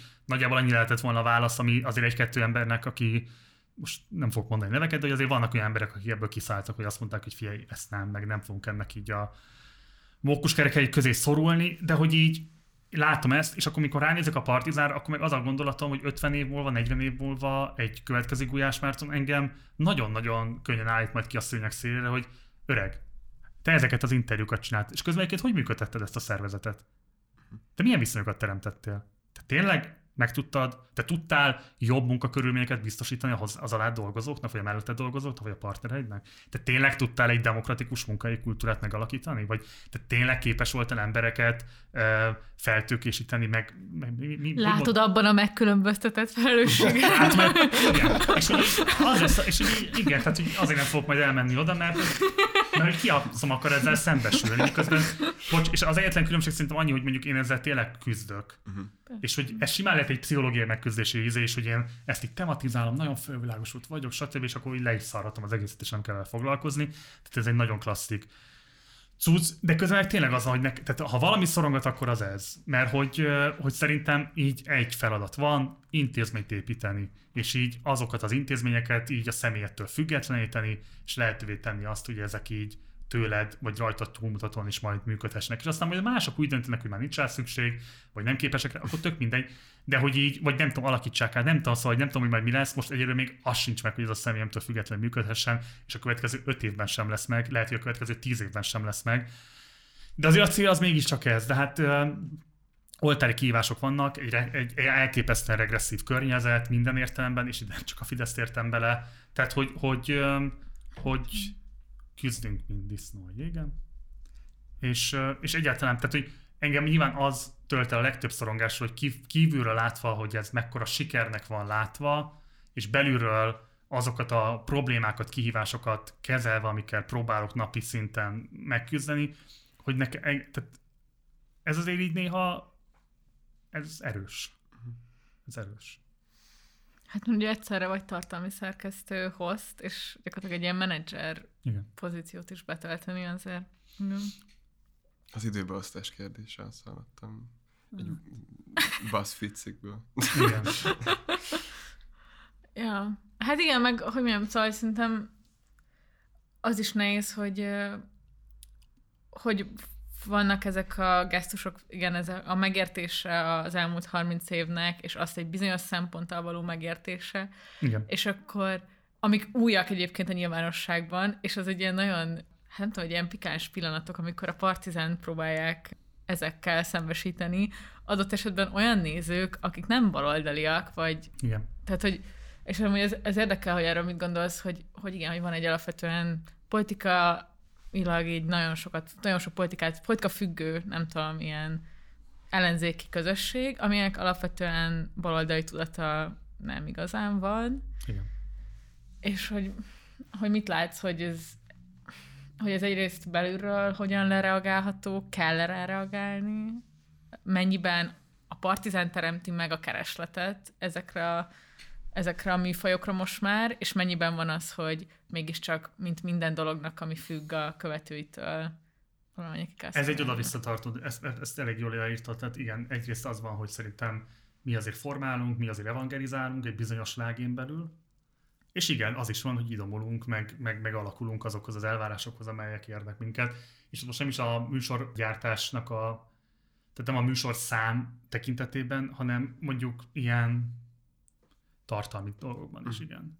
Tehát, hogy ez egy, ez egy tök érdekes dinamika, ez tök érdekes ennek kutatni, tök érdekes ebben sokkal tudatosabbnak lenni, szerintem ez egy feladata például a szerkesztőségnek majd a következő időszakban, hogy, hogy ebben kijelöljön prioritásokat, amiket tart, és tart akkor is, amikor így nagyon komolyan ellenáll ennek a közönség. Mert ugye azt mondjuk, hogy ez fontos. És hogy így nem azt mondjuk, hogy így, tehát nem, tehát szerintem vannak ilyen normatív állítások, amiket egy baloldali médiumnak meg kell fogalmaznia, és így azt kell mondani, hogy figyelj, ez egy küzdelem, nem az a helyzet, hogy ez most így jó, vagy nem az a helyzet, hogy ez így nem tudom én mindenkinek oké, hanem hogy mi ezt gondoljuk. És hogy e, így igazságos a világ, hogyha ez az elvérvényesül, most mondtam, nem tudom, Ja, ja. általánosságban. És hogy ezt így önmagában szerintem egy konfliktusvállalás, ami a társadalomban ilyen tök szokatlan, és pláne, hogyha még ráadásul ez egy ilyen elosztási kérdéshez kapcsolódik, vagy egy anyagi kérdéshez kapcsolódik, akkor az meg ilyen, még mindig ilyen fel. De azért szerintem már jobb a helyzet, tehát hogy ez ebben is azért változik valahogy a dolog. Nyilván a nemzetközi helyzetfokozódása is. Hát ja. És de ugye ez, el, ez eltagadhatatlan, tehát szerintem a magyar baloldalon többet lendített az euróatlanti változások mindegyike, mint amit így a saját erőforrásainkból. Többet lendített? Igen, mint amit mi így Ja. belső erőforrásokból ki tudtunk építeni. Hát ja, vagy én pont tegnap két barátommal beszélgettem, és hogy mondtam, hogy hát, hogy így mi van így a baloldali emberekkel, hogy így hát így eddig így akadémiába tudtak menni, vagy nem tudom, esetleg sajtóba, de és, hogy így nem, azért se érezted mondjuk, hogy politikával foglalkoznál, mert így nem történt igazából jelentős változás. Mm. Hogy így mi történt így tényleg a 2000-es években, amire így azt tudod mondani, hogy így fú, ez, ez valamiféle olyasmi, nem tudom, ami téged is így behúz, meg mit tudom én, és hogy nekem most van igazából így, nem tudom, nagy ilyen, Most van egy virágzás, abszolút, csak igen, szerintem ez, ez, geopolitikailag is azt érzem, hogy Igen. történnek az események, így, és, és emiatt is gondolom azt egyébként, hogy válik megint vonzóvá az, hogy ne valamiféle ilyen féleszképista izébe kerüljenek baloldali emberek, hanem akarjanak. Abszolút. Mert, van is, mert tudsz is mondjuk hatással lenni, Abszolút. vagy nem, most nem az, hogy én személyesen, de hogy azt látom, hogy em, mondjuk például az amerikai adminisztrációban azt látom, hogy vannak baloldali emberek, nyilván most ez mit jelent, hogy baloldaliak, de hogy mégiscsak, és de szerintem a Városházán is van ez. Tehát, hogy a, szerintem a ezek a, má- ebbe a 19 Ilyen- ez És, teljes, így, és igen. így, így, így ilyen nem elég értékel dolgokban így megjelenik Igen. ez a dolog. Ez. Igen. És most lehet, nem a biciklisában az pont nem egy ilyen eklatáns dolog, de, Hát de, de egyébként de az. mégis. Most azért ne, én, én, ezt, én, én lefekszem a bicikli útra, és a testemen keresztül szedje fel bárki, hogyha már egyszer lefestették. ja, az nem szóval- kérdés, tehát az, az, az, az no-go. Hát igen, de Az hogy logó. a terek, az egy iszonyú nagy baloldali harc, hogy a városi terekkel mi történik. Ezt akartam mondani, tehát például Józsefvárosban az, hogy most ott a, a Csiga melletti azt a kis utcát, ami kivezet a... Igen. Azt ott lezárták most nyárra, őrült jó. Ja. De, apróság, de szerintem az is, hogy a városházán, tehát van egy csomó ilyen, ilyen, ilyen, ilyen munkáltatói változtatás, ami szerintem így kifelé egyáltalán nem látszik, de közben tök fontos, mert mondjuk így valamit most lehet, hogy majd akkor nyugodtan írják meg az ott dolgozók, hogy hát ezt így jól elképzelt csávó, tehát hogy töltsél itt egy napot, de hogy amit én látok, hogy feltételezek, az az, hogy ez valami fajta, tehát a közszolgálatnak egy fajta etoszát építi, és ez ilyen iszonyú fontos ebben az országban. Most pont ezen gondolkoztam, hogy Ja. volt ez a postás, aki öngyilkos lett, és írta azt a levelet, Ja. Egy, ment az utcán, és így jött egy csapatpostás, és így néztem, hogy ilyen ezekben a rettenetes táskákban iszonyú súlyokat cipelnek, és tényleg a mai napig gyalog viszik ki ezeket a küldeményeket, tehát hogy iszonyú respekt nekik ebben a hőségben, és hogy így, hogy így ennek a postásnak a története, hogy ez így, tehát ha ez nem tudta így föl, nem tudom én, robbantani ezt a várost, hogy egy ember, aki tényleg így mély elköteleződése van az iránt, hogy működtessen egy ilyen iszonyú fontos társadalmi intézményt, mint a posta, és hogy így azt érzi, hogy, hogy ő szeretné csinálni, és nem tudja, mert hogy arra sem elégséges a fizetése, hogy, hogy, hogy, hogy este enni tudjon, és nem tudom én fedél fölött biztonsággal lehajtani a fejét, és emiatt ő öngyilkosságot követel, tehát véget vet az életnek, de előtte még egy ilyen megrázó levelet megfogalmaz, és hogy ez, ez, ez úgy került le a politikai napirendről, így Ja. Tehát hogy ennek a csávónak nem tudom, emlékdíjat kellett volna alapítani legalább a, a, a, nem tudom, a pártoknak, vagy, vagy kellett volna nem tudom, valami vonulást csinálni. Nem tudom, de így magamnak is mondom, mert számtalan ilyen helyzet van, amiben azt érzem, hogy a politikai, nem tudom, én agilitásom miatt én nagyon mennék, nagyon csinálom, és nem tudom, mit lehet csinálni. És hogy mondjuk azért, hogyha vannak már van mondjuk egy mozgalom, mert például az tök jó, hogy mondjuk a Fudánnál már volt egy ilyen, és szerintem az nagyon fontos, és én mindig ezzel szoktam érve- érvelni, hogy, hogy empirikusan azt nem lehet tagadni, hogyha nem lett volna az a tüntetés, akkor a Fudán az abszolút egy ilyen sinofób, antikommunista keretezésben pörgött volna végig, és így is nyilván ez volt a domináns elem, de alapvetően megjelent a lakhatás, ugye megjelent a diákváros, hogy ezeket ab- abban sem vagyok biztos, hogy az volt a domináns, mert hogy így megnézem, megnéztem a 444-es videót, és én így lesokkolottam, hogy oda dugják egy ember orrá a mikrofont, és az első dolog, amit mond, az ez, hogy a lakatási válság, és hogy a kollégistákkal Nagyon mi jó. lett volna. Vagy nem tudom, azt láttátok el, és hogy így Ja, igen, egy, egy, jó, persze, most egy két és fél percet összevágtak egy több órás tüntetésből, most nyilván ott kell ehhez egy szerkesztői akarat is, bár az, hogy a 444-en erre Ja, van ja, szerkesztői akarat, hogy a lakatási válság megjelenjen már, az is egyébként egy fejlemény, és hogy így basszus, ez volt, hogy oda Szerintem az és még kettőt pislant, és így hirtelen full baloldali lett. Várom már azt a pillanatot, amikor a szerkesztők száma annyira el... Hoppá. Hoppá. Ö, Ezt nem is tudom, hogyan Ez, kommentálni. ez annyira durva gondolat volt, hogy ezt már a szék sem bírta. De na, csak én akartam mondani, hogy én nem tudom például, hogy ti milyen mintákra alapoztok, az egyébként tökre érdekel arra, hogy picit mesélhetnétek, mert eddig semmit nem meséltetek, ti pedig azt mondtátok, hogy beszélgetésbe jövök, és az interjú lett. Hogy, tehát hogy például ti mondjuk a mozgalomépítés szempontjából mire tudtok támaszkodni? Tehát van mondjuk olyan magyar inspiráció, amire, amire építetek? Vagy, vagy, vagy abszolút az van, hogy a nemzetközi példák és gyakorlatok hazai adaptálása zajlik? Nekem van, van. hogy Mond, mond. Nekem alapvető, szóval amikor én, én nagyon fiatal voltam, akkor a 4K már létezett, de hogy én nem éltem Budapesten, csak így néha láttam őket a Abban is kurva szégyen, hogy kimaradt. Egyszerűen tényleg ez egy teljes vakság, de igen, az, kurva, az is egy ilyen tök elismeretlen dolog, miközben tök fontos. Nagyon keveset tudni még mindig, vagy én nagyon keveset tudok még mindig a magáról arról, hogy a szervezet hogyan működött, hogyan épült fel, és amit tudok, az inkább azt mutatja, hogy így nem feltétlenül példamutató az intézményi felépítés, de mint egy létező intézmény, egy, egy ilyen, nem is tudom, ahogy, amit szót használtál, és egy ilyen etosz, az így az én fejemben így élt sokáig. Hát meg a jelen baloldal konfliktusainak megértéséhez Az abszolút nélkülözhetetlen igen, igen, érteni. Az, hogy ez egy egyáltalán egy ilyen dolog, amire visszatekintetünk, aminek vannak produktumai, voltak írásai, egy ilyen kicsit számomra egy Blogja. ilyen, igen, blogja, fent és lent, ugye, ilyen etalonként élt bennem, meg él bennem a mai napig, annak ellenére, hogy ugye végtelen kritikát lehetne vele szemben megfogalmazni. Nem tudom, a rendszerváltás körüli balos szervezetekről is lehetnék beszélni, de hogy, de hogy szerintem amúgy sok van, de nem tudom, Nóra, neked ez így... Ne, szerint, hogy nekem igazából szerintem egy ilyen tök fontos dolog, igen, hogy, hogy az is egy tanulás, hogy kritikád van, és hogy feldolgozzuk ezeknek a történetét. Tehát, hogy bizonyos szempontból nekem az sokkal fontosabb, hogy van arról valami gondolatunk, mondjuk, nem tudom, a, hogy mi ment félre a hahánál, hogy mi van az AVM-mel, hogy, hogy ezekről, mindegyikről lásd az előnyeit, lásd azt, hogy mi az, amit szuperül csinálnak, és lásd azt, hogy mi az, amit nem, és vagy szerintem, hogy nem szerintem a, a baloldal szempontjából, vagy én mindig nagyon küzdök azzal, amikor valamiféle ilyen nagyon pozitív állítást kell tenni, hogy ezt így kell csinálni, ezt így kell gondolni, vagy mindig nagyon van bennem egy ilyen furcsaság, igen, amikor ki kell tűzni azt, hogy az igazságosság, egyenlőség, és a nem tudom micsoda, mert hogy valahogy nem így gondolkodom, meg nem így csinálok politikát se, hogy, hogy megvan a, a koncepcióm arról, hogy mik az értékek, mik a gyakorlatok, amik a követendőek, vagy amik az ideálisak, mert azt gondolom, hogy olyan nincs, meg nem is lehet, és ilyen szempontból ez egy folyam, mindig egy hazugság az ideálisról beszélni. Na, most nem olyan értelemben hazugság, hogy félre megvezetsz embereket, hanem hogy hamis, vagy nem tudom, tehát hogy De szerintem valamilyen ideának, még hogyha absztrakt is valahogy kell élni az ember fejében. Még akkor is, hogyha tudja, hogy amúgy a valóságban ez így kevésbé megvalósítani. én, én egészen őszintén tudom mondani, hogy nincs.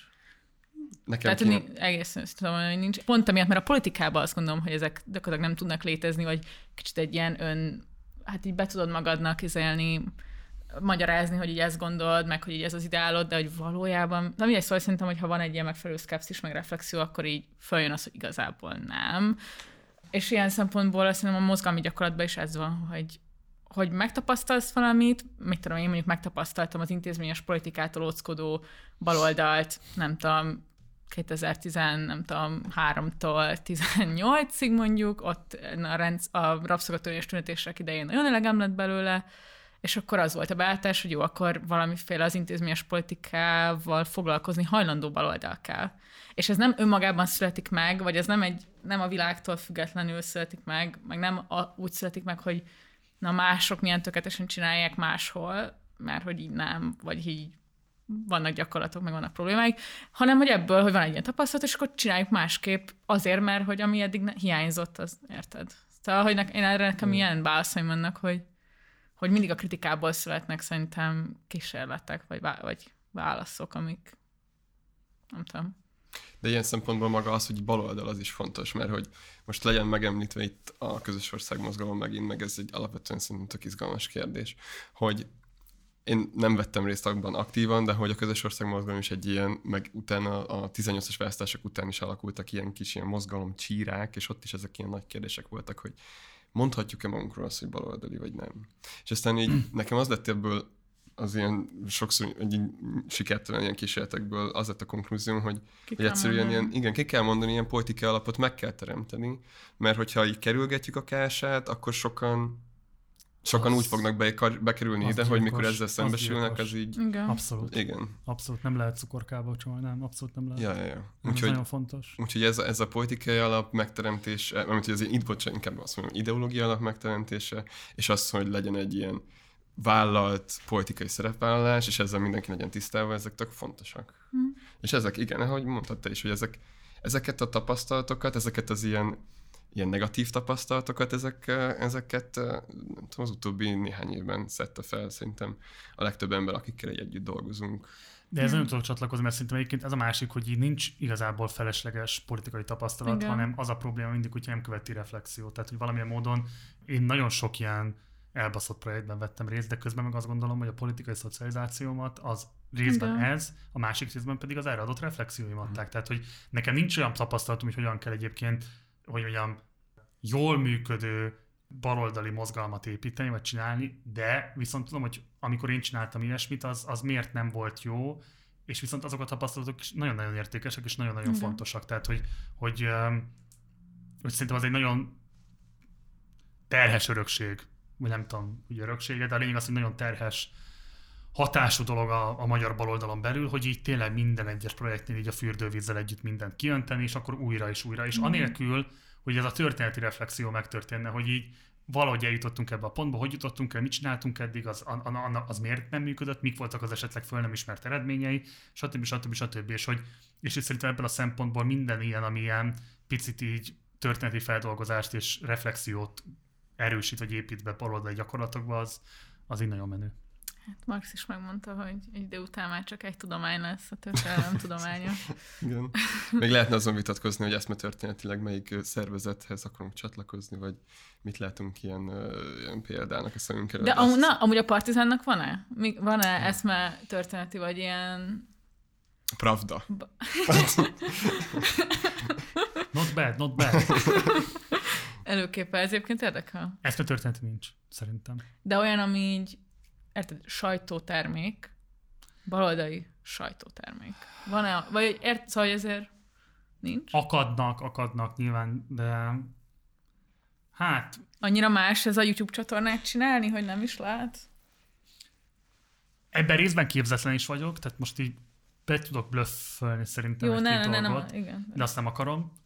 Ez például, ezt nyilván azért is hivatkoztam erre ennyire, mert hogy igen, tehát hogy most ez egy, az, hogy a Partizán egy ilyen sajtótermék, ez egy viszonylag friss dolog, tehát hogy így sajtótermék, amely egyben politikai intézmény, és hogy ez mit jelent, és hogy ennek milyen történeti előzményei vannak, szóval ez egy, ez egy, ez egy elvégzendő feladat még a Partizánon belül, uh-huh. úgyhogy inkább azért nem blöffölnék semmit, mert, mert eléggé megalapozatlan lenne. Ja.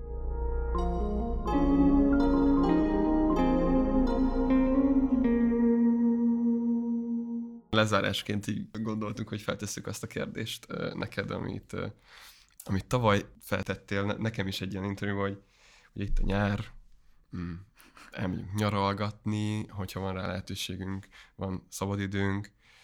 Milyen nyári olvasmányt ajánlanál a hallgatóinknak?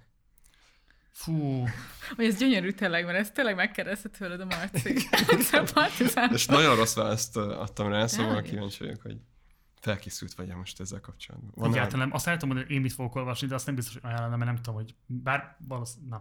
Szóval én most el akarom olvasni a tulajdonságok nélküli embert, mert azt eddig még nem Én olvastam is nagyon el. És képzeljétek, hogy szereztem egy kötet, tehát mert egyébként ezt Magyarországon ma nem lehet beszerezni. Igen. Mm, Én mert nem ez egy- tudom, egy- hogy Nagyon drága, nagyon drága. De várj, várj, de nem az drága, hát 25 ezer forint a három kötet, hát nem hiszed el. De ezt kiírta? Én teljesen kérdezem. Robert, Robert Musil. És a Tandori fordította, és Ah. elvileg én direkt utána jártam a dolognak, mert hogy ezen gondolkoztam, hogy angolul olvasom el.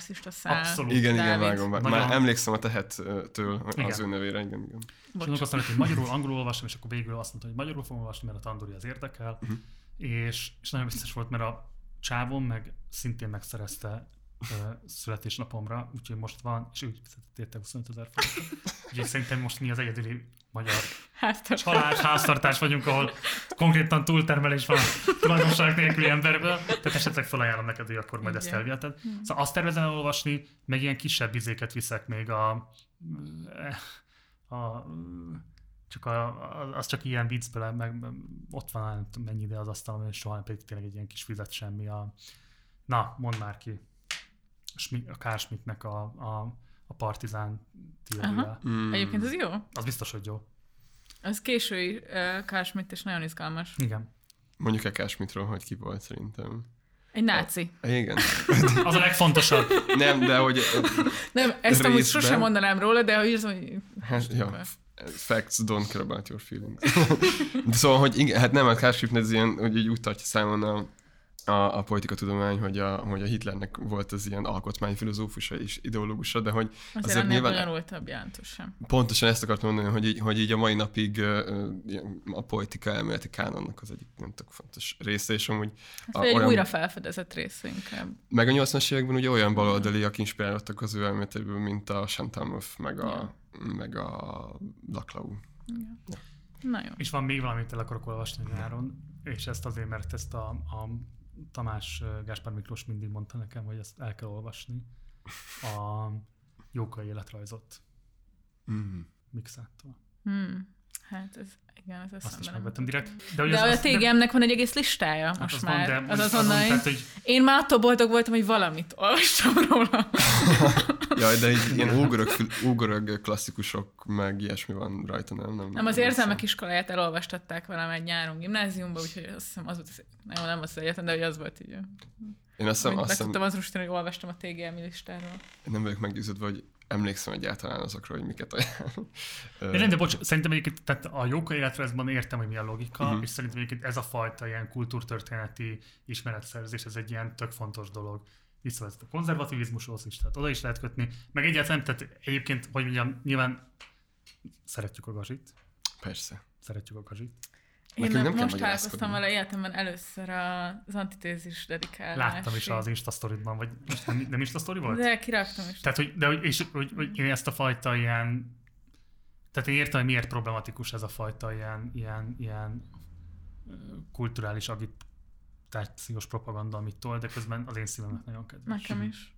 Szóval én, ezt, én ezzel sajnos, én, én tudom, hogy ez, ez, ez, szinte már szégyen ezt mondani, de én ezzel nagyon tudok menni sajnos. Dehogy is nem. Ajánljuk Vida Kamila és TGM vitáját a HVG-ből HVG-n, igen, évekkel igen. ezelőttről. Én ott, én ott azért a Kamilához közelítek az álláspontomban. e- ez, ez, hogy visszatek az előző, ez a domb, ami meghalok, hogy abban a, abban a ez, a, ez az egyetlen vitám a Kamilával, ami szerintem feloldhatatlan. Fú, ez Hogy a amúgy- TGM oldalán vagyok. Szerintem megér egy külön adást az, hogy hogyan hierarchizáljuk, és hogy jó az ilyen tudás, ö, nem tudom, minőségeknek a hierarchizálása egyáltalán.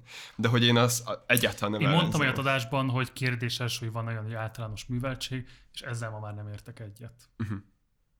Ami nyilván osztály privilégium, meg osztály determinált dolog, de hát De hát az, az, az, létezik. de azzal Igen. egyetértek, hogy így ez legyen, tehát hogy legyenek létrehozva intézmények, amelyek lehetővé teszik azt, hogy ezt az általános műveltséget mindenki Legyen olcsóbb a megkapja. tulajdonságok nélküli ember. Hát Nyomják, Igen, nyomják amúgy újra. igen. Legyen Húgyár szarira könyv megint, mint régen Igen. az átkosban.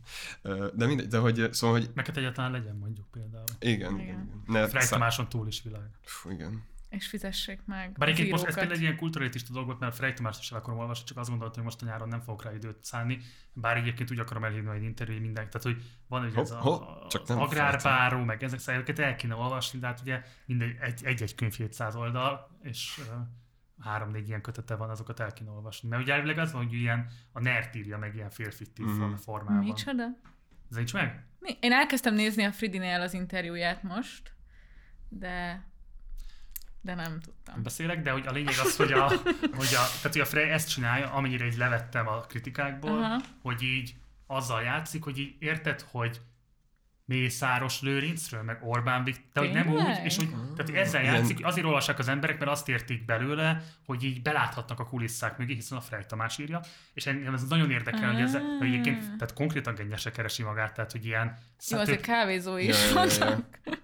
De Az vannak, nem. Marci. van, de bocs, A bocs, Váci úton van, vagy tíz? azt értem Nóra, de amikor egyetlen könyvedből van fél milliárd forintnyi árbevételed, Micsoda? akkor az jó, hogy van kávégéped is, meg nem tudom, elhozod a kávéba volt, de hogy az valahogy nincs pariban az a kötetenként több százmillió forintot. Amúgy tényleg, Lenyűgöző. amúgy most, hogy így mondod, tényleg így minden háztartásban van egy frejkötet. Nálunk nincs. Tehát, hogy ha valaki... Nálunk van Vasalbert, Szerintem de Moldova- Fej Tamás nincs. Moldova után Amúgy valószínűleg igen, igen. a leg, Igen? És úgy így hatása van, mert az emberek ezen, tehát hogy valószínűleg politikai szocializációs hatása is van, és valószínűleg egyébként ilyen politikai képzelet Na jó, izé, hatása is van. Na, ezzel akarom elolvasni, és ezért akarom elhívni, úgyhogy ha valaki ezt hallja, most már annyira a végén vagyunk, azt nem hallgatják meg az emberek. Eh, Dehogy nem. Jó. Hát még Most súgja meg neki, hogy majd úgy készüljön, hogy ezzel fogom. Izgi. Hát akkor várjuk a Partizán következő évadát. Biztosan nagyon sok izgalmas Mert hogy nektek lesz. is lesz benne szerepetek remélhetőleg, mint belépési küszöb. Igen. Úgyhogy közösen csináljuk ebben, most már ti is benne vagytok. Hát nagyon örülünk neki. Igen.